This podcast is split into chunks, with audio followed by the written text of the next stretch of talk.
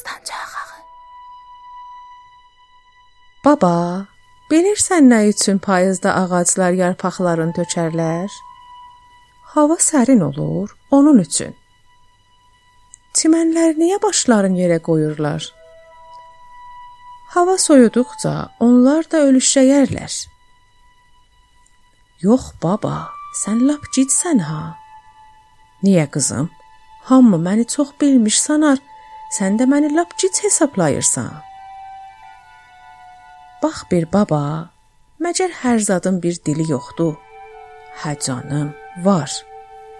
Ağaclar öz dilində danışırlar. Soyuq yeldə istəyir ağaclar onun dilində danışsınlar. Ağaclar qəbul etməyirlər, yel də ağacların balaların onlardan ayırır. Çimənlər nəyə yatırlar? Çimənlər ağacları qoruyurlar. Onlar şairdirlər.